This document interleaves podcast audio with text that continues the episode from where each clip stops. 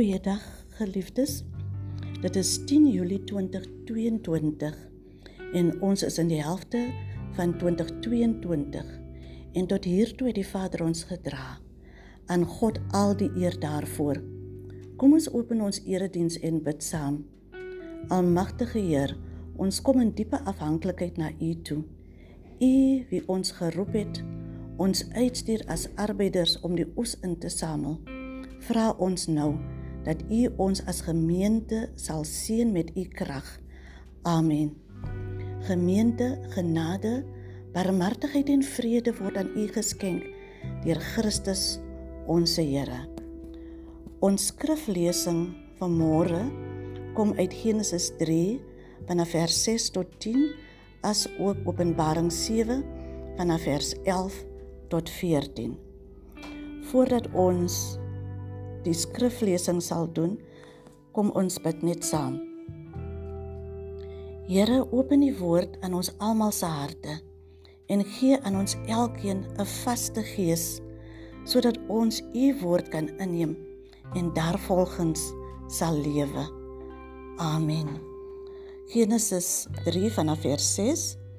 Die vrou sien toe dat die boom goed was om van te eet dat dit 'n lus was vir die oog en dat die boom begeerlik was om 'n mens insig te gee. Sy het van die vrugte daarvan geneem, dit geëet en ook vir haar man by haar gegee en hy het geëet. Albei se oë het oopgegaan en hulle het besef dat hulle naak is. Hulle het vye blare aan een geryg en vir hulle lendeskorte gemaak. Hulle hoor toe die geluid van die Here God wat in die tuin rondstap in die middagkoelte. Die mens en sy vrou het vir die Here God weggekruip tussen die bome van die tuin. Die Here God het na die mens geroep en vir hom gevra: "Waar is jy?" Hy het geantwoord: "Ek het u in die tuin hoor beweeg en ek was bang want ek is naak. Toe het ek weggekruip." Dit is Genesis 3 vanaf vers 6 tot 10 en nou lees ons Openbaring 7 vanaf vers 11 tot 14. Al die engele het rondom die troon en ook rondom die ouderlinge en die vier lewende wesens gestaan. Hulle het toe op hulle gesigte neergeval voor die troon en God aanbid en gesê: Amen. Die lof, die heerlikheid en die wysheid, die dank en die eer Die krag en die sterkte kom ons God toe vir ewig en ewig. Amen. In antwoord daarop het een van die ouderlinge vir my gevra: "Hierdie mense wat die lang wit stolas dra, wie is hulle en waar kom hulle vandaan?" Ek het hom geantwoord: "Meneer, u is die een wat weet." En hy het vir my gesê: "Dit is die mense wat uit die groot verdrukking kom. Hulle het hulle lang stolas gewas en wit gemaak in die bloed van die lam. Geliefdes, ons ken almal die verhaal in Genesis 3 oor die sondeval. Adam en Eva het hulle self in die mees volmaakte omstandighede bevind. Hulle het niks kort gekom nie. Hulle het nie eers nodig gehad om te werk nie. Hulle het nie nodig gehad om hulle self oor alledaagse dinge soos kos en klere te bekommer nie. Dit was werklik 'n idilliese bestaan. Hulle het direkte kontak met God die Skepper gehad en het self sy voetstappe herken wanneer hy na hulle toe gekom het. Daar was by hulle die vrese van wilde diere of aanvalle van booswigte nie. Want tydens hulle verblyf in die paradys was daar nie melding gemaak van ander mense nie. Ons onthou mos dat die Vader self vir Adam en Eva geformeer het. Tog laat Adam en Eva toe dat hulle verlei word.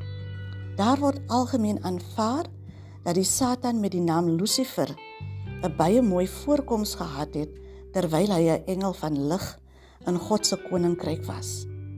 Maar dat hoogmoed en trots die oorsaak was dat hy uit die hemel verdryf was. Hy wat groter wou wees as sy Skepper, het nou dieselfde taktik met Adam en Eva gedoen. Hy laat hulle twyfel aan die genade aan die motiewe van God die Vader. Satan wou dieselfde taktik op Jesus toepas in Matteus 4. Telkens sê hy vir Jesus: "As U die seun van God is." Maar Jesus weet wie Satan is. Konfront konfronteer hom met die woord van God. Jesus weet dat die woord van God ja en amen is en dat selfs Satan dit weet. Daarom konfronteer Jesus vir Satan met die woord van God. In ons moderne tyd waar mense regtig geen perke het nie, word die woord sonde nie meer gebruik nie. Ek kan hoor hoe sê die Satan: As jy 'n Christen is, sal jy nie teen hierdie ding of daardie spreek nie, want dan oordeel jy. En die Bybel sê mos uitdruklik: Die oordeel kom ons nie toe nie. Die Satan het bewys dat hy die Bybel ken as die woord van God. Maar dan gebruik hy weer sy wapens van twyfel, van moedeloosheid wanneer ons teen die sonde staan. Hy het dit immers teenoor Jesus probeer.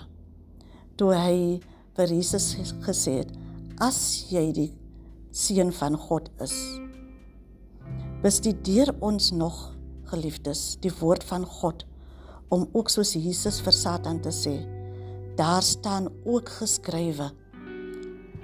Geliefdes, dis kommerwekkend dat mense wie hulle self Christene noem, so lukraak met God en sy gebod omgaan. Dis so maklik om op 'n Sondag nie die eredienste by te woon nie. Dis so maklik om dit wat ons daagliks besig hou, het sy dit ons werk is of ons huishoudings voor te hou as verskonings kan ons met reg sê daar staan ook geskrywe of is ons soos Adam en Eva wat die verleiding sien en dit volg. Dis nie maklik om te staan waar die Here staan nie. Naamlik vir en aan die kant van die waarheid. Tydens die intog van Jesus in Jerusalem sê sommige van die fariseërs in Lukas 19 vers 39 en 40 vir Jesus. Meester, berisp u disippels. Maar hy het geantwoord: Ek sê vir julle, as hulle stil bly, sal die klippe dit uitroep. Ons praat van al die onreg wat in hierdie land van ons gebeur. En ons praat daaroor. Maar as kerk van Christus, as Christene geliefdes, praat ons nie hard genoeg daaroor nie is ons bevrees dat daar weer vir ons verdrukking sal wees. Daar is van ons wat die seer kry van apartheid aan onsself gevoel het en tog het ons onsself daaroor uitgespreek. Kan ons stil bly geliefdes oor kinders wat die einde van die skoolkwartaal in 'n taverne deurbring? Kinders so jonk soos 13 jaar oud? Tragies dat 'n ouer sê dat haar 14-jarige kind nie om 2 uur in die môre nog nie by die huis was nie. Sy toe bekommerd geraak het. Hoe kan 'n ouer slaap wanneer so 'n jong kind uithuisig is daardie tyd van die môre? Geliefdes, ek sluit af. Het ons vergeet dat ons 'n God van genade dien? selfs toe Adam en Eva uit die paradys verdryf was oor hulle sondes, was God hulle genadig en het hulle vergewe. Wanneer ons teen die sonde staan, staan ons nie alleen nie. Ons genadige God dra ons. Billy Graham het by een geleentheid gesê, "The will of God will not take us where the grace of God cannot sustain us." Openbaring 7 vers 13 en 14 vertel vir ons van die mense met die wit klere. Dit is hulle wat uit die groot verdrukking kom, wie se klere wit gewas is deur die lam Jesus Christus. As Christene het ons 'n taak om ten spyte van verdrukking geliefdes teen die sonde te staan. Ons kan nie stil bly en hoop dat ander dit vir ons sal doen nie. As ons die atmosfeer rondom ons wil verander, moet ons spreek al sou dit ook lei tot verdrukking. Die kroon wat ons sal ontvang in die hiernamaals is werd om na te streef. Verse 15 tot 17 van Openbaring 7 vertel ons van God se ewige heerlikheid wanneer ons uit die aardse verdrukking kom. Mag die Here ons genadig wees om uit te staan vir sy naam en sy saak. Amen. Vader, u woord het uitgegaan. Die gebed van ons harte is dat dit op vrugbare grond sal val. Ons weet dat u woord nooit ledig na u toe terug sal keer nie, maar dat dit dit sal doen wat u wil hê moet gebeur. Laat u koninkryk kom ook hier op aarde. Amen. Kom ons ontvang die seën van die Here. Mag die Here jou seën en jou beskerm. Mag die Here sy aangesig oor jou laat skyn en jou genadig wees.